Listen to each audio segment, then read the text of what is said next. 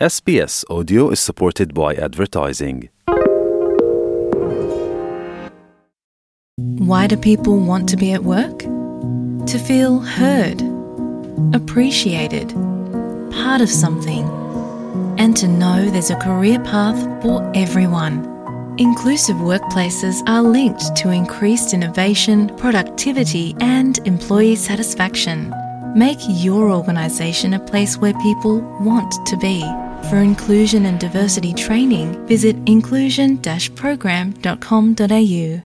سره لدې چې د طالبانو سرپرست حکومت لا هم د نړۍ د کوم هیواد لخوا په رسمیت نه دی پیژندل شوی خو د سیمې او نړۍ ځینې هیوادونو کې د طالبانو له حکومت سره د افغانستان د یو شمېر سفارتونو د تعامل او طالبانو ته د دغه سفارتونو د ورسپارلو لړۍ روانه ده د طالبانو سرپرست حکومت ته د سفارتونو د ورسپارلو په روانه پروسه کې تازه متحده عربي اماراتو دغه هیواد کې د افغانستان سفارت د اکتوبر په شپږ ویشت مه د طالبانو له لوري نوي ګمارل شوي سرپرست سفیر ته وسپاره. طالبان وايي چې په متحده عربي اماراتو کې د سفیر په توګه د بدرالدین حقاني ګمارل به د دواړو هیوادونو ترمنځ په سیاسي او اقتصادي اړیکو کې مثبت رول ولوبوي د طالبانو سرپرست حکومت له دې مخکې هم د سیمې په ځینې هیوادونو کې له دې ډلې په قطر، ایران، پاکستان، روسیه او چین کې د افغانستان سفارتونو او ځینو نورو هیوادونو کې د افغانستان قونسلګریو ته خپل استازي معرفي کړي دي. همداراز په دې وروستیو کې هسپانیا او هالنډ هیوادونو کې افغان سفارتونو اعلان وکړ چې د طالبانو حکومت له بهرنیو چارو وزارت سره په تعامل او اړیکه کې دي خو اوس اساسي پوښتنه دا ده چې په بیلابیلو هیوادونو کې د طالبانو حکومت سره د افغانستان د یو شمیر سفارتونو تعامل او د طالبانو حکومت ته اسپارل په څه معنا دي د سیاسي چارو او نړیوالو اړیکو یو شمیر کارپوهان په دې اړه بیلابیل اندونه لري له دې ډلې د نړیوالو اړیکو یو شمیر کارپوهان وایي چې له طالبانو سره د افغانستان سفارتونو تعامل او د سفارتونو سپارل د دوی د حکومت د رسمیت پیژندنې په معنا نه دي. د نړیوالو اړیکو کارپوه او پخوانی ډیپلوماټ عزیز معارج اس بي اس راډیو سره په خبرو کې په دې اړه وویل،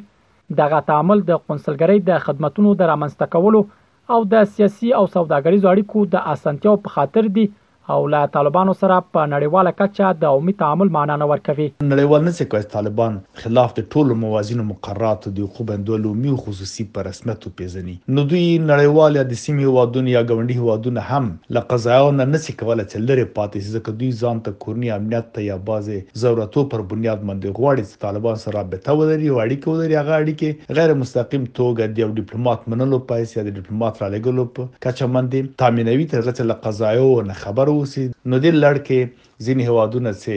ضرورت لري یا تجارتي یا سوداګري یا سیاسي یا نورو څنګو کې نو اړیکه جوړوي د یو ډیپلوماټ په کچه باندې چې هېواد ته یې رالیږي د دوی منل دا نو په معنا یې دې نه ده چې طالبان په رسمیت پېژندل کېږي یا په راتلونکي کې کېدای شي دا په رسمیت وپېژندل شي د نړیوالو اړیکو یو بل کارپوه احمد خان اندړ هم دا تعاملات د طالبانو حکومت د رسمیت پېژندلو په معنا نه بولي نوموړي له اس بي اس راډيو سره په خبرو کې وویل،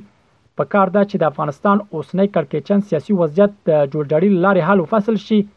ترڅو په افغانستان کې یو مشروع حکومت رامنځته شي. ملګرو ملتونو نړیوالې ټولنې د افغانستان خلک نه دې هیر کړي او هڅې کوي چې د افغانستان له خلکو سره خپلې مرستې جاري وساتي، همدا وجه ده چې ځینو هېوادونو د اسلامي امارت استازي منلي دي. خو دغه هېوادونو په زغرده ډول اعلان کړی چې د اسلامي امارت د استازو منل هیڅکله هم د دوی د رسمیت پیژندلو په معنا نه دي موږ ګیله من یو چې د افغانستان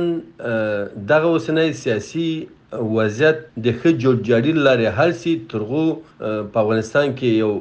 داسې حکومت چې د افغانانو په خوښه وي اساسي قانون ولري او د نړۍ د ډېرو هېوادونو له خوا څخه په رسمیت وپېژندل شي او په افغانستان کې د دایمي سولې او ثبات لپاره کار وشي. بل لور ته د سیاسي چارو یو شمېر کارپوهان بیا د دغې موضوع په اړه بېل نظر لري.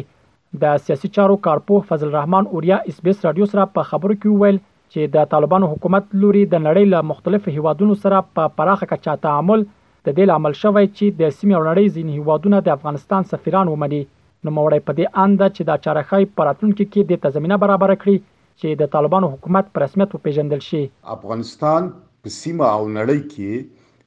یو ځانګړی ځای او ځایګی لري او دغه ځای او ځایګی ته د نړۍ مختلف لوبغاړي، زموږ ګاونډي هېوادونه او د سیمې هېوادونه درناوی لري او خپلې مشروع ګټې په دغه ځای او ځایګي کې ویني، نو همدغه علت ده چې له افغانستان سره دغو هېوادونو د دیپلوماتانو راکړه ورکړه کړې ده، د افغانستان دیپلوماتان د دوی په هېوادو کې او د دوی دیپلوماتان په افغانستان کې په پراخه کچه شتون لري او فعالیت کوي او طبیعتا دا یو عامل ده چې زمينه او شرایط یو عامل په حیث دې ته مساعدوي چې په راتلونکي کې افغانستان په رسمیت وپیژندل شي د سیاسي چارو بل کارپو نجیب الله جامع بیا وایي د طالبانو حکومت سره د افغانستان د یو شمېر سفارتونو تعامل او د طالبانو حکومت ته د یو شمېر دغو سفارتونو سپارل د ځینو دلایلو له امله ترسره شوي چې د نوموړي په وینا یو له دغو دلایلو ښایي د سیمې په کچه د هیوادونو ترمنځ خپلمنځي رقابتونه وي. کابل ته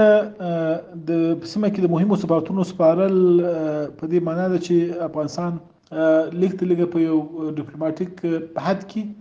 سیاسي ثبات او په لوی کې یو منطقي سیاسي او امنیتي تعامل ته د سیمې له هیوادونو سره رسیدلی دی دریم یا دویم بحث دا دی چې د سیمې هیوادونه هم خپل منځونو کې رقابتونه لري او دغه رقابتونه هم د دې سبب کیږي چې هر هیواد غواړي په کابل کې که څه نړیوال رسمي مشروعیت نشته ولې بیا هم حضور ولري او خپلې ګټې وپالي دریم بحث دا دی چې په ځانګړي ډول د عرب متحده اماراتو لخوا کابل ته د سفارت سپارلو کې غټ علت ممکن دا وي چې امریکا او سعودي عربستان هم له کابل سره تعامل باندې شرایط نه لري او په دغه برخه کې خپل ملګرو هیوادونو ته د شین څراغ ښودل ده دا ګڼ مسایل د دې سبب کېدای شي چې په سیمهییزه کچه باندې د افغانستان حکومت یو معقوله او ممکنه لابي وکوي او ډیپلوماسي تر ډیره بریالي وي د معلوماتو لمخې افغانستان په ټوله نړۍ کې 15 شپېته سیاسي استازولۍ لري چې په ډېریو کې تر دې دمه د تېر جمهوري نظام ډیپلوماټان فعال دي او بهر مېشتو افغانانو ته خدمات وړاندې کوي، خو طالبانو په دې وروستیو کې هڅې پیل کړي چې ورو ورو په اروپا او نورو هېوادونو کې سفارتونه په یو نه یو ډول خپل کړي. دا په داسې حال کې ده چې څو موده وړاندې بیا د طالبانو سرپرست حکومت د بهرنیو چارو وزارت چارسمبالي امیر خان متقي ویلي وو چې د طالبانو حکومت د نړۍ په بېلابېلو هېوادونو کې پنځلس سیاسي استازولۍ لري. رحیم الدین اوریاخېل، ایس بي ایس راډیو، افغانستان.